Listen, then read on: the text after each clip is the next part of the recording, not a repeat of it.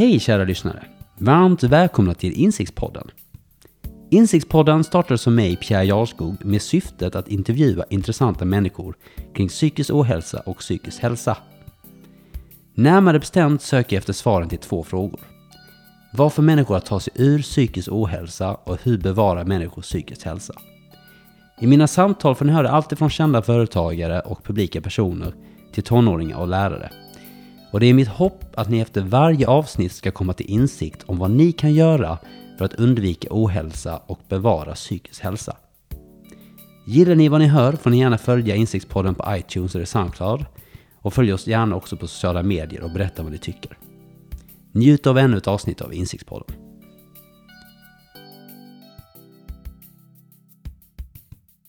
Hej kära lyssnare!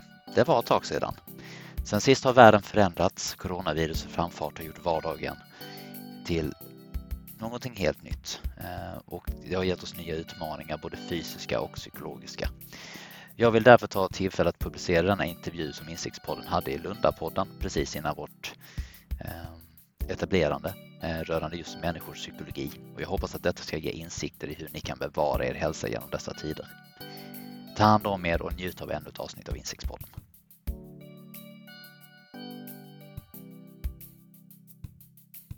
Det känns ju som att internet på din mobiltelefon eller en smartphone har funnits alltid.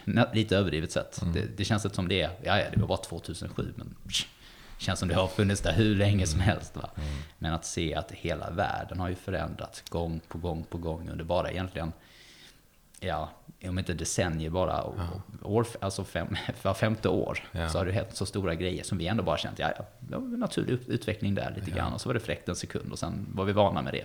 Mm. Eh, samtidigt då som teknologin har gått fram att vi inte riktigt förstått vad som händer samtidigt med vårt psyke. För att om vi läser ungefär på samma sätt hur snabbt som eh, kurvan med utveckling har gått rent teknologiskt kan vi också se att framförallt ungdomar med människor i allmänhet mår sämre. Mm. Och varför är det så? Vi ska inte avslöja för mycket. Jag tänkte vi skulle köra igång här. Allting är klart där, de rullar och sen...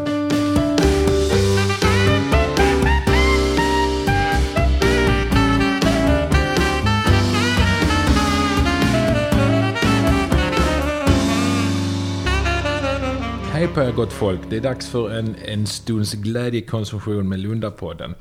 Eh, glädje, det är ju något som vi alla strävar efter och det är ju kanske inte alltid vi är i balans med livet. Så då tänkte ju redaktionen att vi skulle eh, kunna få lite tips och självhjälp när man då har fastnat och kanske man står på fel sida planhalvan. Så eh, redaktionen vevade runt med sin Lunda-tombola och drog ett namn. Och då stod det Pierre Jarlskog på den. Välkommen hit Pierre! Tack så mycket, kul att vara här. Ja. Du, eh, jag fick ju tips av mina gamla eh, kollegor här, eller kollegor, de som jag har intervjuat. Eh, Cecilia sa det att du måste prata med Pierre. Och eh, han har mycket att säga eh, om saker och ting. Och, eh, det är, ett, det är ett säkert kort. Men du, eh, innan vi drar igång och pratar vidare så vill vi ju veta lite vem du är. Eh, och då brukar jag säga att, ja, inga långa radänger, men vi vill ju veta lite vem vi har att göra med bakom eh, hörlurarna. Exakt, jag ska, jag ska försöka kortfattat förklara lite varför jag sitter här då och varför jag blivit rekommenderad kan man säga.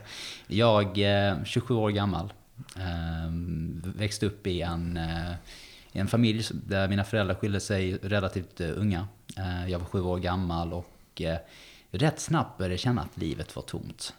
Att någonting fattades. Jag var ett väldigt glatt barn innan och en riktig tjejtjusare på mångt och mycket. Men som många barn är, glada. Men efter skilsmässan så gick jag in i en väldigt introvert roll och saker och ting kändes inte riktigt rätt. Och det är någonting som egentligen fortsatte ända fram till gymnasieåldern där allting eh, då landade i att jag verkligen inte kände mig speciellt bra och försökte vara någon annan hela tiden för att folk skulle tycka om mig eller vad jag gjorde. Och det väckte den här frågan om vem är jag och hur blir jag lycklig? För jag kände att jag hade stått i botten lite grann som väldigt ung. Um, och det blev början på en, en, resa då som har tagit mig igenom 400-tals böcker. Jag åkte till fyra, fem länder och försökte lyssna på de absolut största auktoriteterna inom lycka och självhjälp. Alltifrån nästan sektledare till eh, psykologer till självhjälpsfigurer. Och du vet, försökte helt enkelt ställa frågan, vem, vem, vem vet de här grejerna? Och varför känner jag så här?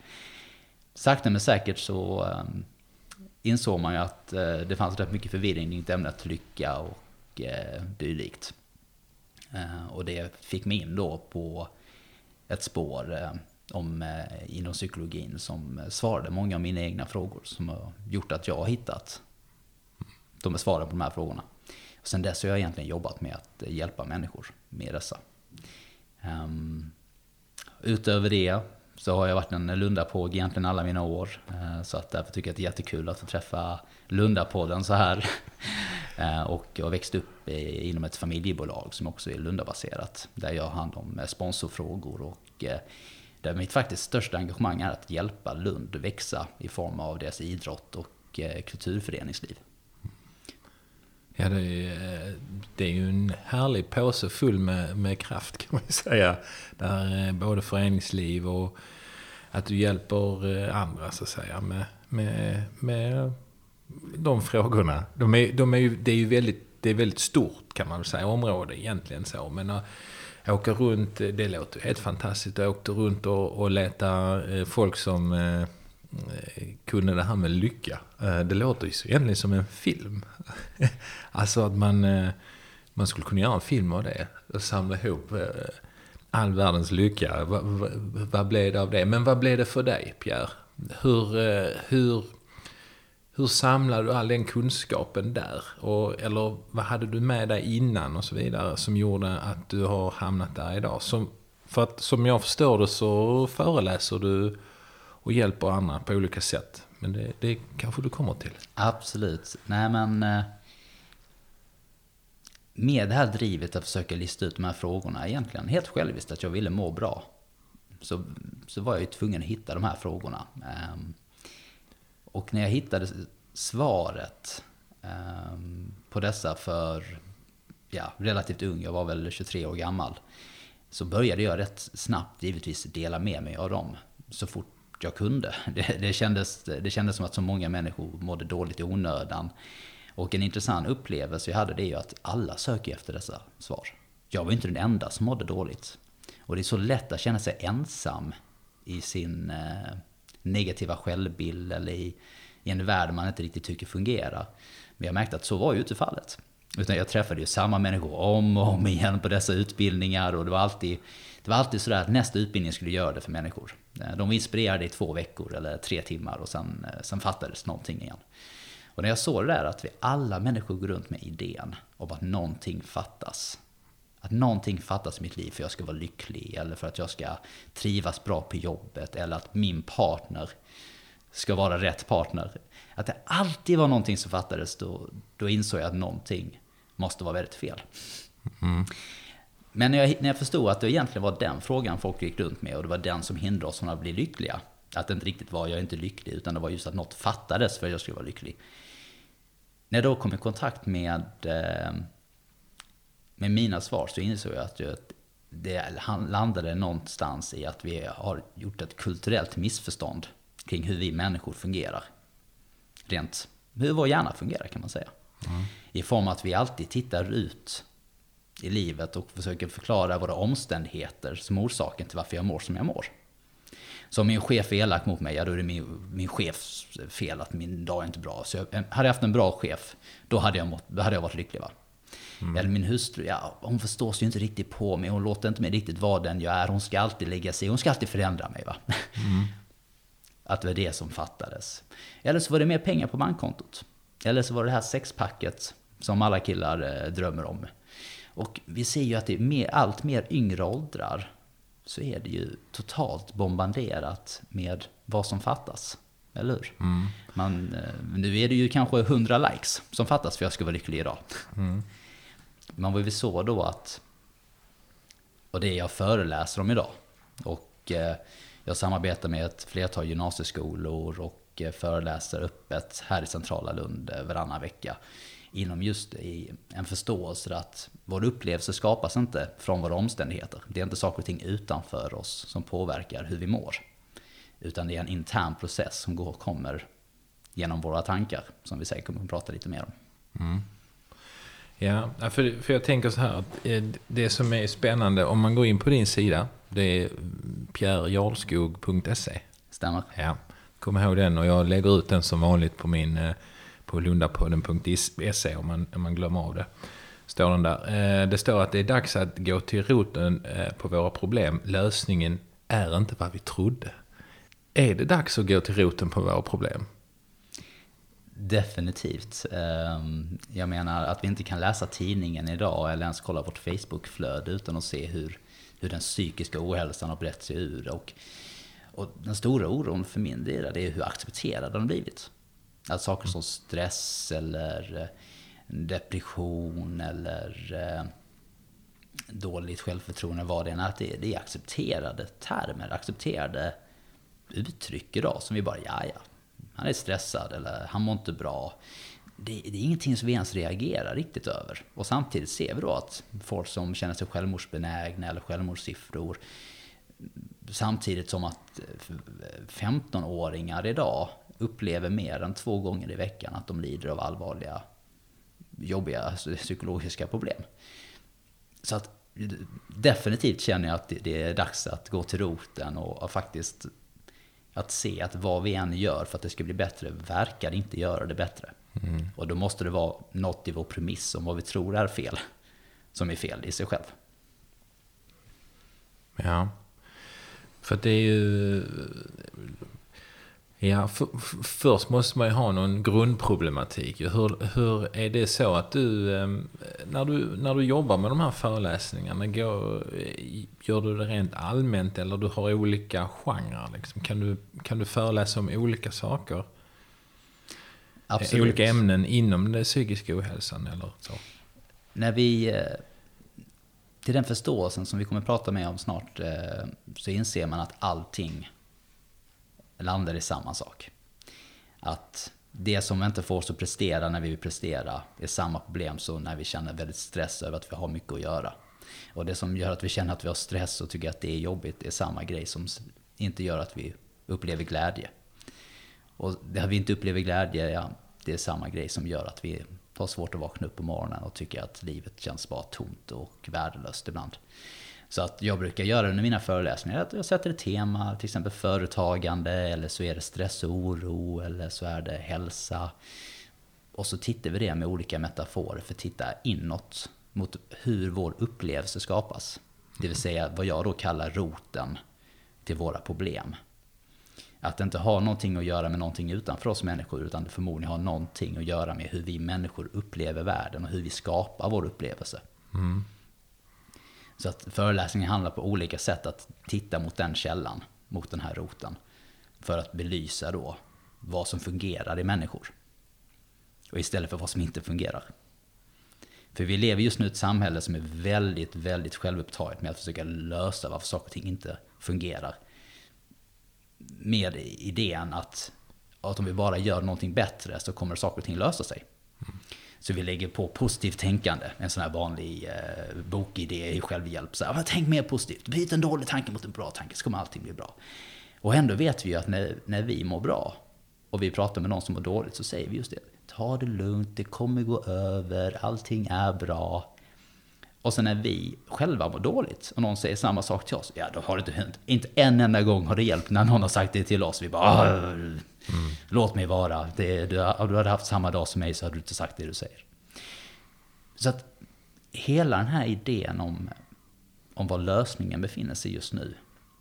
Det vill säga att lägga till bättre tankar, eller tänka mer, eller ha mer pengar, eller ha en bättre tjej. Eller som man säger numera, att, att swipa höger eller swipa vänster. Va?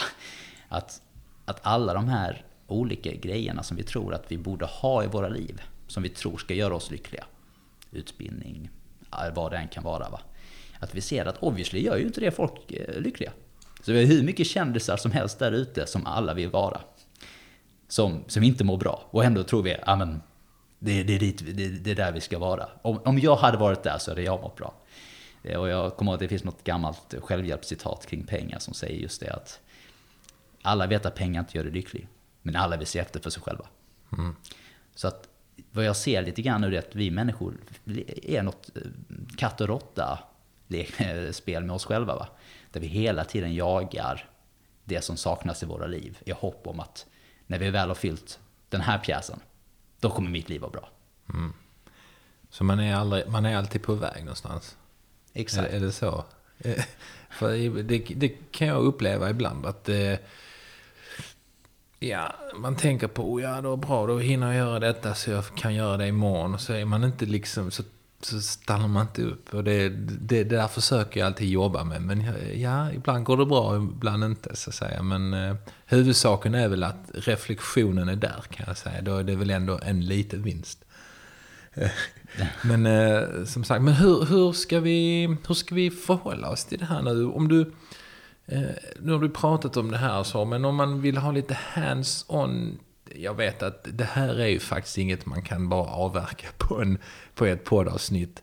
Eh, så här med Lundapodden. Men eh, om vi, om vi söker det du, den förståelsen, det var det du ville, skulle prata om lite. Hur får man den? Exakt. Så att efter alla dessa föreläsningar och de här 400 böckerna man läste så, så hittade jag till slut någonting i att, att hur vi människor skapar vår, upple upp, vår upplevelse är någonting vi totalt har bortsett från i mångt och mycket i vårt liv. Det är inte någonting vi har diskuterat, det är inte någonting vi har fått eh, lära oss i skolan, och det är, no det är inte någonting som pappa har kommit ner och satt sig på sängen med. Min son, så här fungerar vi människor. Vi har inte lärt oss någonting om det. Och när jag ser då att det vi ser är att vi människor upplever bara det vi tänker. I form av att varenda tanke vi har skapar en känsla. Och beroende på vilken kvalitet den tanken vi har just nu så kommer vi få en känsla som har samma kvalitet. Så tänker vi på något fruktansvärt och väldigt jobbigt, då kommer vi ha en väldigt jobbig och fruktansvärd upplevelse. Och på samma sätt om vi är på gott humör och vi har hoppfulla tankar och annat, ja då känner vi oss hoppfulla. Så tänker jag att jag är gammal, ja då känner jag mig gammal. Känn, tänker jag att min, gud herregud vad mycket jag gör på jobbet, hur ska jag fixa detta? Ja, då kommer jag känna en känsla som är i linje med hur det känns. Men det, men det intressanta med alla dessa bitar då är ju, medan vi då tror hela tiden att det är alla pärmarna på mitt skrivbord som gör att jag känner mig stressad. Eller att det är min chef som gör att jag inte trivs på jobbet. Så är inte ens vi människor konsekventa och i, i form av hur vi upplever de här sakerna. Ibland har jag jättemycket att göra på jobbet, jag är inte stressad. Ibland så är min chef inte den sämsta människan på jorden, eller vad det än kan vara, eller han påverkar inte hur jag känner mig på jobbet. Men ändå så har vi tittat så mycket utanför oss för att förklara varför vi mår som vi mår. Istället för att se hur skapades den upplevelsen. Så att vad som hände när jag satt där med mycket pärmar och hade mycket att göra på min to-do-list. Och den gången det kändes jobbigt, ja, det gick ju upp i mitt huvud. Jag visste inte hur jag skulle hinna med min dag. Herregud, jag måste hämta barnen sen och sen ska jag, och du vet, herregud, jag måste handla mat och så ska vi laga mat. Åh, jag vet inte hur jag ska hinna med. Skapar en rätt jobbig känsla. Det kan vi alla komma på. Mm. Men ibland när vi då helt enkelt bara säger, ja, herregud, jag måste lösa detta. Ja, det är inga konstigheter. Och så, så sitter vi där. Vi jobbar produktivt, vi jobbar effektivt. Och sen är det färdigt, så var det inget större problem med det. Jag menar, jag, jag älskar det faktumet att ibland är jag jättestressad över jättesmå saker. Och ibland är jag inte stressad alls över jättestora saker. Så beroende på hur jag tänker om saker och ting kommer jag ha en annan upplevelse. Helt neutralt, inte ute efter dig. Det är bara så vi skapar vår upplevelse. Men det absolut fräckaste i det arbetet, som vi gör just nu med ungdomar och annat, det är att nu om, om, om vi ser att det är sant, okej okay, vi upplever våra tankar och inte omvärlden utanför oss. Och saker och ting funkar bra när vi inte tänker så mycket på det vi gör, utan vi är mer närvarande. Som vi säger, när vi är där 100%. Någonting som yogan och meditation nu som explosionsartat växer, diskuterar vi väldigt mycket. Tänk på din andning, var där, var ingen annanstans, tänk inte för mycket. Att det vi ser att när saker och ting funkar och när saker och ting inte funkar så har det alltid att göra med antalet tankar vi har i den stunden. Så att ett bra exempel jag brukar alltid ge det är att vi alla suttit där och försökt läsa en bok. Och vi har inte kommit förbi samma sida sju gånger. För vi går alltid upp och börjar tänka på vad vi ska göra sen, eller den där grejen som chefen sa, eller vad, ja, du vet, man väntar på det sms från den här snygga tjejen, eller vad det nu kan vara som man, eh, som man istället tänker på. Man, man har läst sidan sju gånger, men jag minns inte ett ord av den. Och samtidigt ibland kan vi läsa en hel artikel eller tidningen och vi bara minns allt. Så det är intressant att se det, för att vi, vi, tror ju att det alltid har med någonting utanför. Så att antingen boken är tråkig, eller så säger vi att ja, ja, nej, men då hade jag inte så mycket annat att göra. Att vi ser att antalet tankar du har i stunden kommer ge dig en mer eller mindre bekväm upplevelse. Och de gångerna vi alltid mår bra, när saker och ting bara rullar på, när vi är i flow, eller när vi är som lyckligast med våra partners, trots att vi var tillsammans med 20 år eller vad det kan vara, att det alltid kommer ner till närvaro. Och att just närvaro är när vi inte har så mycket annat vi tänker på. När vi inte är upptagen i våra tankar och vad som sker. Och att tydligen så har mycket av det vi letar efter lycka gömt sig i någonting bortom allt vi gör. Och att det inte är någonting vi borde göra. Så vad jag försöker säga är att där vi människor hela tiden går runt i att försöka lägga till saker i våra liv. Ha en bättre kropp, ha en bättre bil, ha en bättre jobb, ha bättre väder. Som är väldigt vanligt i Sverige kanske. Så ser vi att vi människor är lyckliga, vi presterar, vi mår bra, vi är naturligt kreativa.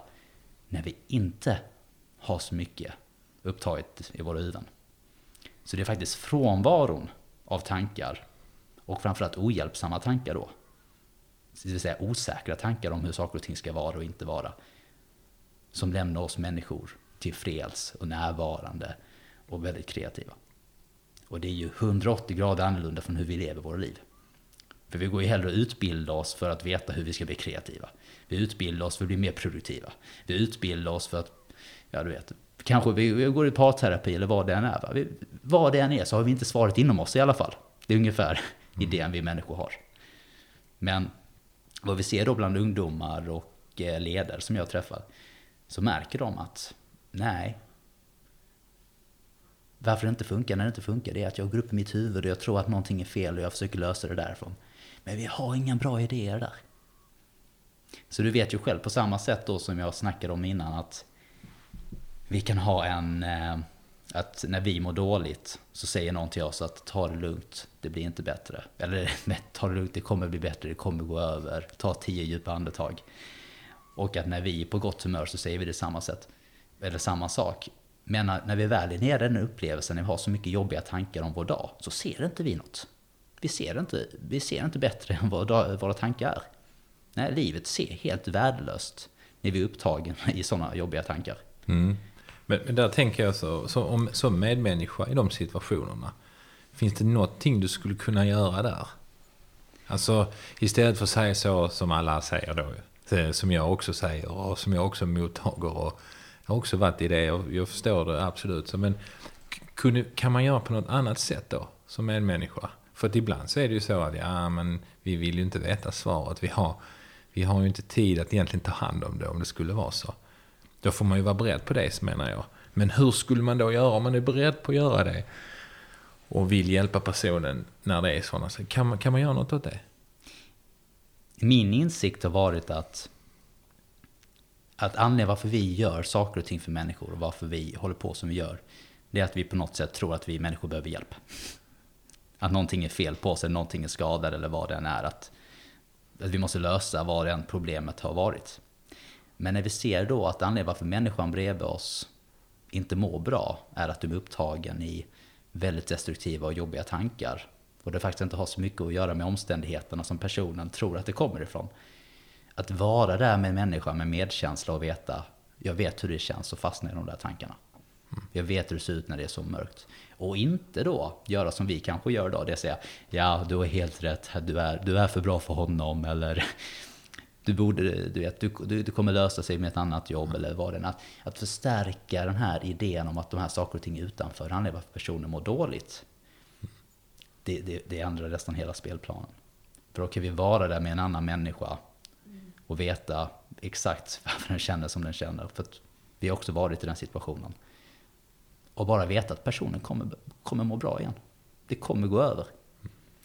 Och en intressant sak jag brukar ta upp är att tänk alla tillfällen vi människor har varit i en situation där vi har känt att det kommer aldrig bli bättre. Det här är droppen. Alltså jag kommer aldrig återhämta mig från det här breakupet. Och så sitter vi här idag och allting är bra. Mm. Så att tanken förändras. Va? Vi, inga tankar stannar kvar. De kommer och går. Vi, du och jag kan inte bestämma vad vi ska tänka på om fyra minuter. Men vad vi tänker på om fyra minuter kommer bedöma vårt eh, upplevelse just om fyra minuter. Mm. Men that's it. Det är bara så det funkar. Så att, att insikten att ingenting är fel på dem och att det kommer bli bättre. Att vara där istället för att försöka fixa dem. Det gör att vi människor snabbare hittar tillbaka till vårt välmående som finns där när våra tankar om det vi är upptagna i försvinner. Mm. Ja, nej, jag, jag, jag, jag tycker det är, det är jätteviktiga frågor. Jag jobbar ju med ett jobb som också träffar ungdomar som, som mår dåligt på många sätt. Eh, oftast har det gått lite längre än, än kanske gemene ungdomen, alltså det vill säga genomsnittet. För, men eh, det är ju självskadebeteende och, och, och liksom självmordstankar och annat. Eh, hur, när du är ute och pratar om psykisk ohälsa bland ungdomar, så, vad, är, vad är det som... Finns det en gemensam nämnare eller du får många olika inputs där från dem? Eller vad, hur, hur mår ungdomarna och varför mår de som de gör? Kan man säga något generellt eller det är väldigt olika? Alltså bortom allt så ligger det mycket i det här som jag tog upp innan, att vi upplever att någonting fattas. Ehm, för vad jag märker när jag pratar med ungdomar, och jag pratar med rätt mycket ungdomar numera, så ser man ju att de har ju alla grejer. Det kanske är, jag vet inte vad jag ska bli när jag blir stor, eller jag, jag, jag är så stressad över skolan, jag vet inte hur jag ska ta mig till, eller jag har aldrig haft en flickvän, eller, eh, eller till och med som jag haft eh, rätt, ett rätt ökat antal människor som bara har, alltså har allt. De har kanske en, en, en, trevlig pojkvän, de har eh, föräldrar som älskar dem och bor tillsammans. De har ett jobb, de jobbar på helgerna, de har bra betyg. Men livet känns så tomt. Det, det, det, det känns som att någonting fattas helt enkelt. Och vi, och vi ser ju det, alla de här grejerna är något tema på att någonting fattas i våra liv. För att som måste finnas där en trygghet eller vad det än kan vara. Och vad vi gör med den känslan, för att om vi då går tillbaka till att våra tankar skapar vår känsla. Det är att så fort du börjar tänka att någonting fattas, så kommer du uppleva att någonting fattas. Och det vet ju både du och jag, vi kan ju känna definitivt att vissa dagar, där saknades detta, för jag skulle ha mått bra. Va? Att när du går runt i de tankarna och vi får den här känslan av att någonting känns tomt, även om vi inte riktigt vet vad, i och med att det faktiskt kommer från våra tankar och inte från vad det än kan vara, då kommer det producera alla möjliga konsekvenser för dig. Och med den känslan, i och med att vi människor har lärt oss att när vi får en dålig magkänsla, när vi får en dålig känsla i hela kroppen, ja då måste vi titta närmare på det, då måste vi analysera. Var kommer det ifrån? Vad handlar det om? Och när vi börjar analysera illusioner som kommer från våra tankar då, som kan vara då att innan jag har den här flickvännen eller varför får jag inte flickvännen då? Blir det så här, inga tjejer har mig. Är inte jag älskbar? Eller vad det än kan vara. Eller vad det än kan dyka upp för dig i dina tankar. Då fastnar vi i en, i en process av att försöka lösa ett problem som, inte, som var påhittat från början. Va? Som var en illusion, tillfällig illusion av en osäker tanke. För jag menar, herregud, vi människor har så många riktigt galna tankar. Och det är rätt lustigt. Jag tror, varenda människa jag träffar säger till mig att Pierre, jag vet att du säger att det är bara tankar, men jag har sjukare tankar än någon annan. Det säger alla mina klienter på ett eller annat ja. sätt. Ja. Och man bara, ja, jag är ledsen, men eh, det säger alla. Va? Ja. Och det är väldigt få av de här sjuka tankarna som är ett problem för oss människor. Som inte blir eh, ett stort problem. Men så får vi den där tanken men vi kollar i spegeln att gud vad jag inte är snygg. Gud vad jag borde träna. Och bam, går vi in och börjar tänka på de här grejerna. Känslan kommer. Känslan får oss att tro att det betyder att det är signifikant och på riktigt. Och vi stannar kvar och tänker på det för att försöka komma därifrån. Så vi skaffar vårt gymkort eller vi gör vad vi gör för att försöka lösa känslan. Eller är min partner inte tillräcklig, ja då, då skiljer vi oss och skaffar en ny partner. Och sen går det sex år och så är vi i samma fälla igen. Det känns tomt och det känns inte som det är rätt partner. Och så går vi hela tiden och försöker lösa den här känslan. När, när saken är att även ifall du inte är tillfreds med din partner eller jobbet så märker du att du inte alltid är inte tillfreds med din partner eller jobbet. För att ibland tänker du inte på det på det sättet. Ja, vi ser att det enda oskyldiga vi människor gör, det är att vi tror att bara för vi tänkte det måste det vara sant. Men det kommer mycket på grund av att vi känner ju det vi tänker. Men när kommer, när ska man eh, sätta in den där, eh, automat, den där eh, varningsklockan då, när man sätter den på alarm så här, nu kommer den här tanken. Är det, kan, kan man göra det? Eller kan man träna sig själv till det? Eller det, det, det, det, den är lurig? Jag brukar förklara det lite grann som att vi kan alla läsa en bok om att cykla och vara experter på att cykla. Men vi vet alla att vi hade inte kunnat cykla för det. Vi hade ändå ramlat av cyklarna. Mm. Och den här förståelsen vi pratar om är att det handlar om något, något som alltid har varit och alltid fungerat för oss människor. Jag menar, systemet är 100% felfritt på det sättet. Den, den visar ju exakt, vi, vi upplever exakt det vi tänker hela tiden. Punkt slut. Den vet inte bättre. Den gör det för, för att vi ska upp, överleva i en värld. Va? Så det första jag brukar lära till folk det är att det är att medan vi människor då har trott att den här känslan vi får som inte är bra, att det betyder att det är någonting vi ska göra. Så det är ungefär samma känsla som att när vi sätter handen på spisen och det är varmt. Och hela kroppen reagerar och vi, du vet, hela handen blir röd och vi märker att oh, det här ska vi inte göra, göra om igen. Och gudskelov gör inte de flesta av oss om det igen, för vi lär oss rätt snabbt. Men att, att på samma sätt, när vi inte känner det bra internt med oss rent psykiskt, är det inte kroppens sätt att säga att någonting är fel runt omkring dig. Det är din kropps sätt att säga nu är du upptagen i ohjälpsamma tankar. Mm. Okay. Gör ingen stor grej. Ta inga viktiga beslut när du inte mår bra. Ta, bestäm inte om du ska sluta ditt jobb. Bestäm inte om ditt förhållande ska fortsätta eller inte. Vi är inte kapabla att se bättre än vad våra tankar är just nu. Medan varenda gång vi kommer fram till bra beslut, eller vi mår bra, eller vi är kreativa, eller vi jobbar bra i miljö, i teambuilding, vad det är. Att vi alltid är på rätt, du vet. Vi är, vi är närvarande, vi har inte så mycket vi tänker på, och plötsligt dyker det en en sån här riktig drömidé upp. Så ett bra exempel jag brukar diskutera är att vi människor tror ju att eh, sitta i eh, olika teambuildingmiljöer och i möten kommer komma fram till många bra lösningar. Men vad vi märker är att nej, ofta kommer vi inte fram till riktigt våra bästa svar när vi sitter där tillsammans och diskuterar och brainstormar. Utan det är när någon är på väg hem till bussen så kommer de på ah! Det här ska vi döpa företaget till. Det här är ju svaret på hur vi löser Kina-frågan eller vad mm. den är. Och vi kan se Nobelpris efter Nobelpris där samma sak har skett. Att man har fastnat vid sista variabeln och så tar man fel väg hem från jobbet och man bara tar en paus. Och tankarna går ner och plötsligt dyker upp någonting annat. Precis. Det är den här klassikern du vet, när man ska komma på en skådespelares namn. Och man sitter och, vad var det nu igen? Så bara lämnar man det och sen två timmar efter så pang, satt den där. Så kommer man på det. Så kul. Det är så coolt. ja, det är roligt. Det är, det är spännande att det funkar så. Exakt. Eh, nej, men jag, jag har också märkt det att man är ju... Eh, ett tilltvingande så här brainstormande gör ju ingenting Eh, med en sådär. Men man känner så här, man, man, kan ju inte vara, det kan ju vara så att man inte är upplagd i det. Men man har tankarna då, så, så, är det så, så händer det vid bussen. Ja, jättespännande. Ja. Exakt, och ja, om vi ska ta förhållandebiten då, för att vi alla har problem med våra förhållanden i vissa grader och inte det är just en av de här gamla vidskepelserna som jag skulle kalla det då. Idén om att vi måste lösa våra problem innan vi går och lägger oss. Det vill säga att vi har två stycken personer som inte ser bättre än sina osäkra tankar där nere. Och de bråkar och försöker kompromissa det bästa de kan se just då.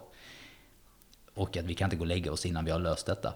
Men faktum är att när de vaknar upp så är 99% av, 100, 99% av fallen så kommer den ena personen säga Älskling, förlåt för igår, jag vet inte vad jag tänkte på. Eller så kommer de båda två säga, du vad bråkade vi om igår? Gud vad barnsligt. För att när vi tar oss bort från den upplevelsen, vi inte tänker på det längre, så ser vi människor klart. På samma sätt som du märker precis på väg hem från bussen, att när inte jag tänker på det, då ser jag naturligt vad lösningen är, jag ser naturligt på vad jag borde göra. Och så plötsligt, åh herregud, jag skulle ringt min mamma i förrgår. Eller vad det är som dyker upp. Att, att, att det är så enkelt att vi helt enkelt missuppfattat hur vi använder den här gåvan, vår, vår hjärna, och hur den skapar upplevelsen. Och att i den missförståelsen så har vi tyvärr, försökt lösa saker på ett ohjälpsamt sätt genom att göra det värre för oss. För att om vi tar ungdomar igen, de, de tänker så fruktansvärt mycket. va. Som sagt att de har en bättre partner i grönare gräs, ett swipe till höger via Tinder. Eller de har inte två bra utbildningar går, de har tusen bra utbildningar går. Och deras kändisar, de lär dem att de ska se ut så här, de borde göra detta, de ska ha så här många följare på Instagram. Och har de inte det, ja då är de ju inte bra. Titta min kompis där som redan har det bättre. Att allt det här social media och annat som även vi vuxna upplever, men framförallt ungdomar, det är att de ser ju hela tiden att någon har det bättre än vad de har det. Och det betyder alltid att jag inte har det tillräckligt bra oftast. Så att antalet tankar vi har idag är en av de orsakerna till varför vi mår sämre än vad vi gjort. Att det snurrar så snabbt. Skulle man kunna hitta någon lösning egentligen att man får någon... Eh, alltså jag skulle ju tänka mig att en, en Pierre Jarlskog-utbildning i skolan, eller i alla fall någon form av utbildning där man adresserar eh, sådana här saker. Där man åtminstone diskuterar att det är lika viktigt som idrott, för det vet man ju är, är väldigt gynnsamt för inlärning och att vi behöver röra på oss för att må bra. Men eh, det kommer lite på efterkälken, har alltid gjort på något sätt.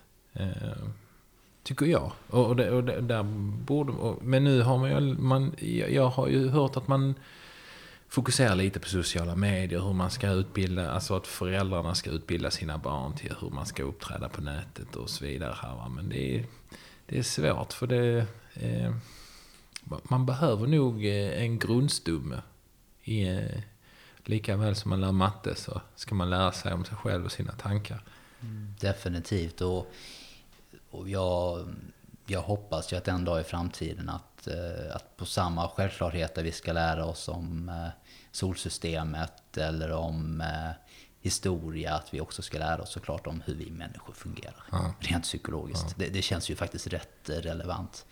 För det vi märker är att de studenterna som kommer, kommer till mig, det är att i och med att de slutar ta på sina tankar på så stort allvar.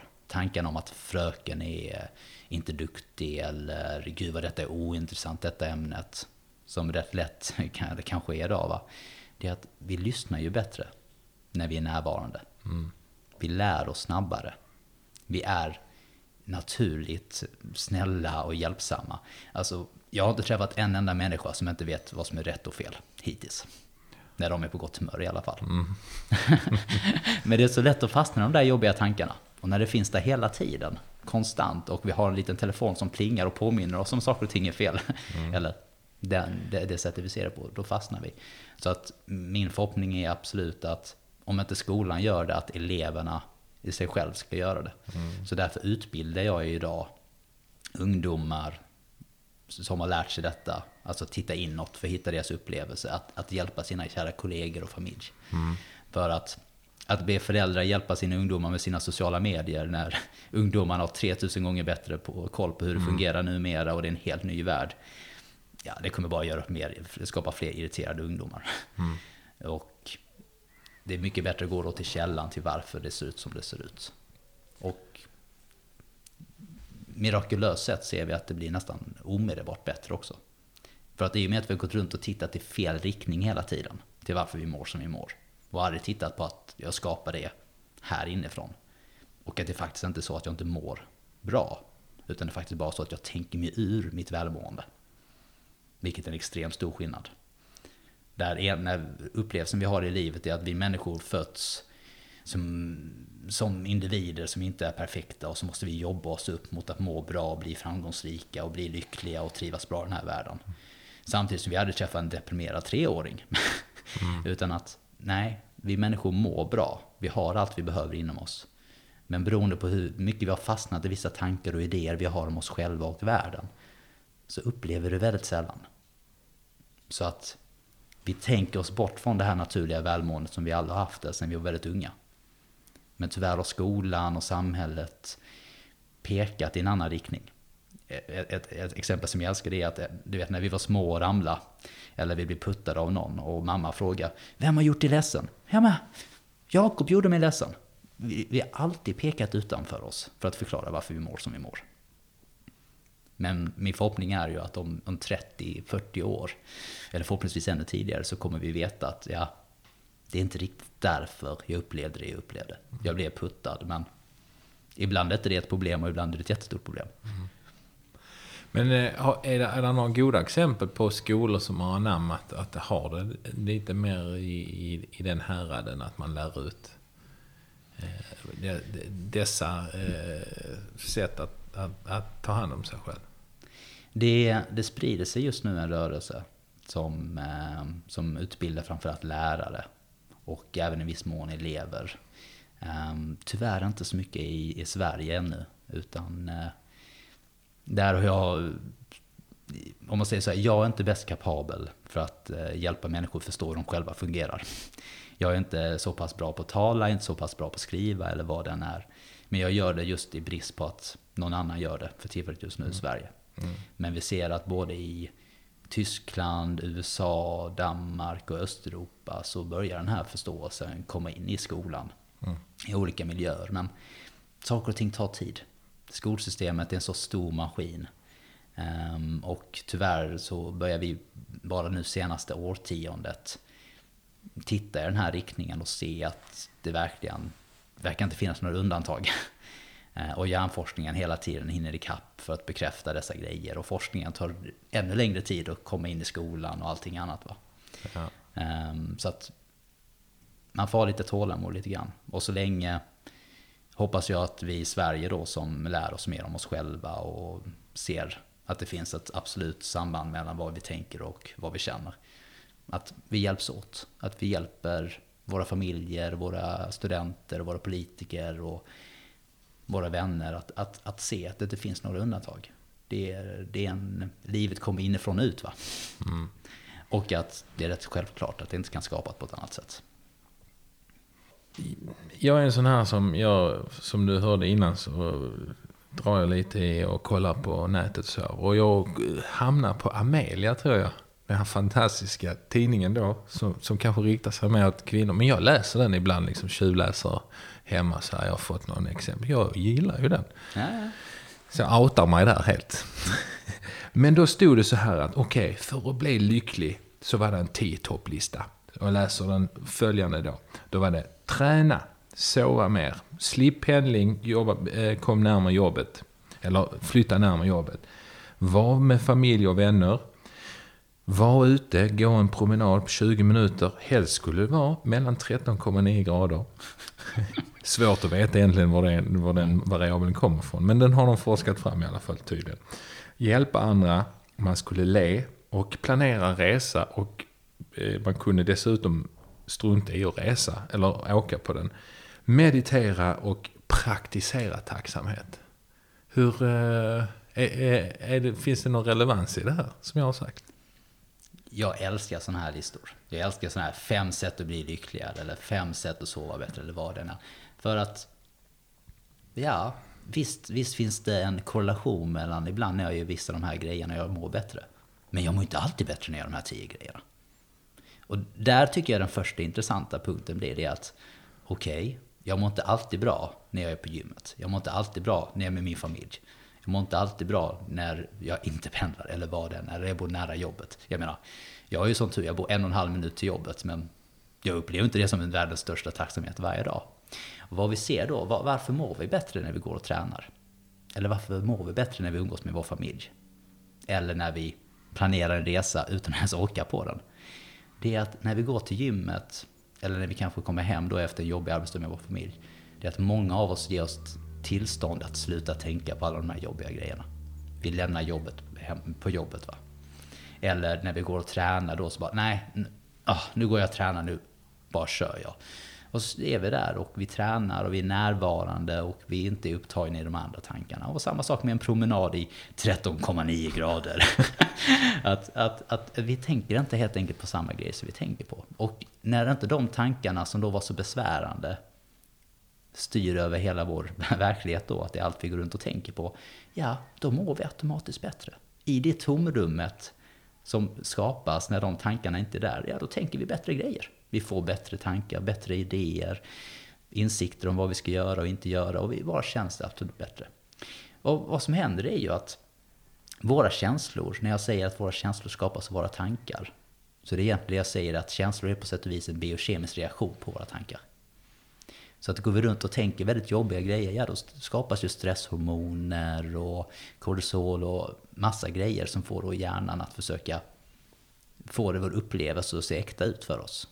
På samma sätt som att vi går in och ser en skräckfilm och vi vet att det är en skräckfilm, men vi är livrädda för den ändå. Och vi kan verkligen uppleva det hela vår kropp, du vet. Håren reser sig upp och vi är helt röda och vi svettas och, och du vet, vi är rädda för att nästa tillfälle ska komma. Trots att vi vet att det inte är på riktigt. Men hjärnan kan inte separera det. På samma sätt när vi går till gymmet då, och vi bara släpper och vi bara känner åh vad starka vi är idag, gud vad skönt detta är. Eller, eller vi är med vår familj och vi bara njuter och vi bara är närvarande och ser alla de här små grejerna som vi tycker är underbara. Eller man tänker tacksamma tankar som du säger då, att tänk mer tacksamhet. Ja, på samma sätt då så ger ju kroppen, skickar den ut dopamin och serotonin och andra grejer för att vi går runt och tänker på det här, dessa tankar. Det är bara att vi människor, vi tror ju att det hade att göra med aktiviteten. Vi tror att det hade att göra med att du tog den här promenaden i 13,9 grader. Eller att du gick till gymmet. Eller att du umgås med familjen. Eller att du har nära till jobbet. Men det är ju inte konsekvent. Det är ju inte 100% av tillfällena.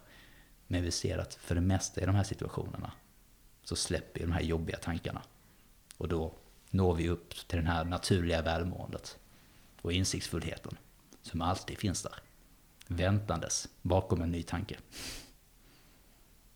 Så man kan säga att de här tio grejerna att göra, de kan vara hjälpsamma. Men först om du inser varför det fungerar när det fungerar. För att det är väldigt få saker vi människor tror är orsaken till varför vi mår bättre som är det på riktigt. Det är ofta någonting annat.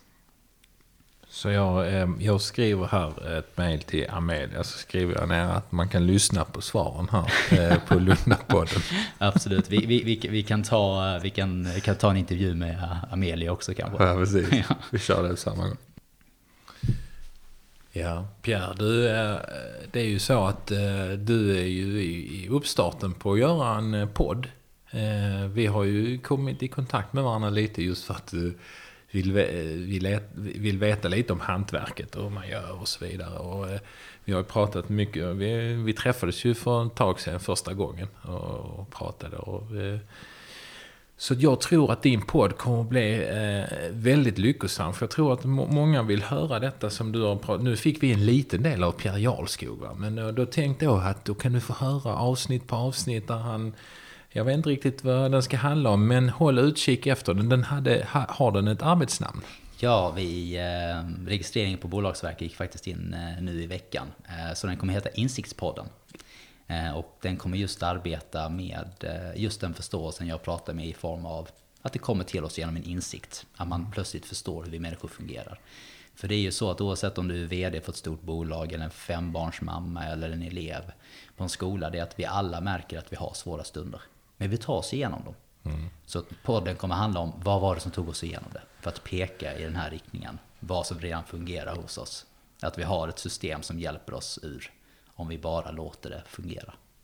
Du, den, eh, den kommer jag trycka på prenumerera-knappen direkt. Och eh, när den är igång och så vidare så ska jag givetvis ge, ge all hjälp jag kan få genom min Lundapodd och supporta den. Eh, allt som har med eh, att kunna hjälpa ungdomar eh, komma vidare i livet och må bättre, det måste premieras. Och det är ju ett av Lunda-poddens grundfundament, det här med glädjekonsumtion. Och att man ska må bra. Underbart. Ja, men vi, jag tror att det handlar om att samarbeta. Det handlar om att eh, skapa allianser och, och än en gång att inse att vi inte är ensamma i att antingen försöka hjälpa människor eller rädda världen, lite överdrivet sett. Ja, men, eh, nej, men jag tycker det är viktigt, för att jag, det, det är ju lite det som Lundapodden har varit grundinställning. För att jag, jag blir lite mätt på allt det negativa. Eller så här, utan eh, vi behöver höra lite glatt också, samtidigt som vi måste alltid tänka eller ta hand om det som, som är negativt i världen såklart. All medierapportering och sådär. Men eh, eh, då bara tunar man in till eh, din insiktspodden där sen efter det och så bara får vi eh, ja, men allt gott till det. Du, vi ska prata lite om Lund också, för det måste vi göra i Lundapodden. Eh, så, så vi hinner med det. Eh, vad har du för... Eh, varför varför eh, håller du dig kvar i Lund egentligen? Ja, jag under min resa, det vill säga den resan som handlar om att någonting fattas i mitt liv, den här klassikern då som vi märker att alla lever i. Ehm, då, det var ju en grej som fattades var någonting bättre än Lund ett tag. Eh, så att jag eh, stack till, jag var i eh, Florida ett tag och jobbade för en, en kompis farbrors företag. Jag var i Göteborg ett halvår, jobbade där. Sen har jag varit i Stockholm ett par år. Så att jag har testat lite olika orter och alltid sökt efter en bättre geografisk eh, fix. Lite grann sådär. För att oh, Lund är för litet och det är inte, oh, jag kan det här redan. Men sen kom jag tillbaka för, ehm, det måste nog vara tre år nu. Och eh, då märkte jag bara, gud vad Lund är ju underbart. Du har det här trevliga och gemytliga och mysiga med att det är just en studentstad med, ja, med en viss andel invånare som bor här året runt. Och det är väldigt lätt att lära känna dem, för vi Lundabor upplever oss som, vi är så trevliga, lätta att lära känna, öppna. Ehm, vi kommer från så många, många, olika bakgrunder också. Många är utbildade, många är entreprenörer. Vissa bara bor här och älskar det för tryggheten, vad den kan vara. Och det, är, ja, men det är ungefär som du är kan man säga ett exempel varför jag älskar Lund. Det vill säga det är så enkelt att lära känna dig. Du är så öppen, du tar emot den med öppna armar och på samma sätt ger tillbaka till Lund.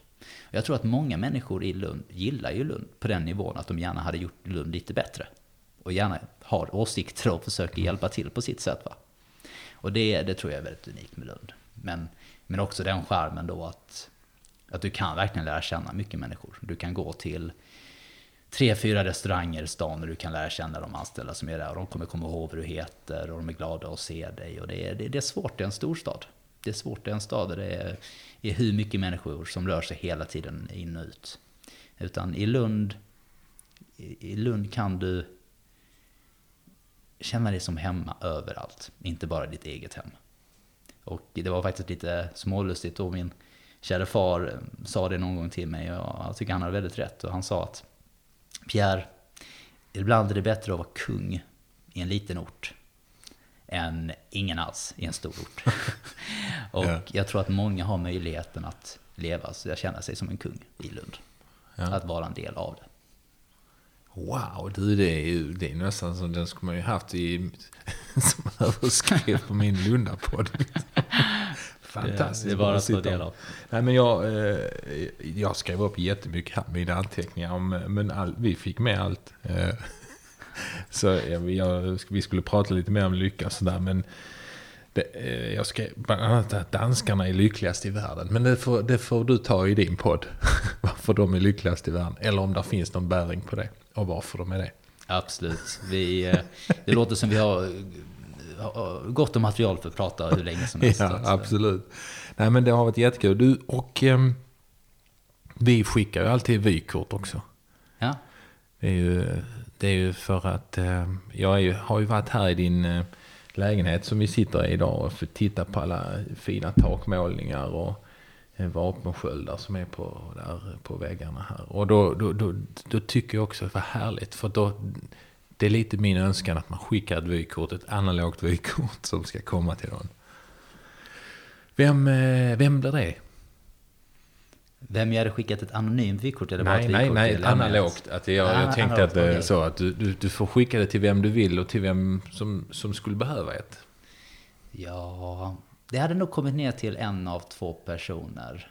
Antingen hade det varit min mamma, bara för att det är den största källan till kärlek och inspiration och glädje som jag har i mitt liv. Hon, hon är inte stor, hon är sina 1,57 hon kan vara, men hon får hela världen att, att eh, förändras i den sekunden hon kliver in i det. Och för att hon har så mycket kärlek i sig. Så det är en stor inspirationskälla för mig. Eller så hade det varit min eh, gamla mentor från gymnasiet som, eh, som berättar för mig att det, det finns, det finns svar där ute om du bara letar. Kvame hette han och han har jag mycket att tacka för att jag inte stannade kvar i den känslan utan jag faktiskt försökte hitta ett svar på varför vi människor mår som vi mår. Men jag hade varit min mamma då, såklart. Ja, det är svårt att tävla med sin mamma, eller hur? Så är det. Ja, så är det. Uh, ja, är det någon uh, fråga som du tyckte att den fick jag ju inte? Inte, inte direkt. Du vet, jag kan prata i timmar om detta. Men om jag skulle lämna människor med ett par grejer. Så det ena är att... Att försöka titta bortom det faktum vad du tänker om. Och se det faktum att du faktiskt tänker. För det är inte något vi är speciellt medvetna om. Vi har inte så mycket tankar om att vi tänker. Men att det finns någonting som är mycket mäktigare i det faktum att se att vi är tänkande varelser. Och att vi skapar vår upplevelse genom dessa. Snarare än just vad innehållet det jag tänker på just nu. Även för det kan förklara varför vi känner som vi känner i de situationerna. Och det andra är att i och med att jag gör detta som ett eh, socialt eh, åtagande för att hjälpa människor så hör av er om ni har idéer och vill hjälpa till. Eh, jag har öppna föreläsningar varannan söndag på Hypoteket i Vackra Lund. Eh, och ni är alltid välkomna dit och lyssna på mer. Eller eh, lägg till mig på Facebook och eh, skicka mig ett mail om ni vill eh, höra mer eller bli kontaktade.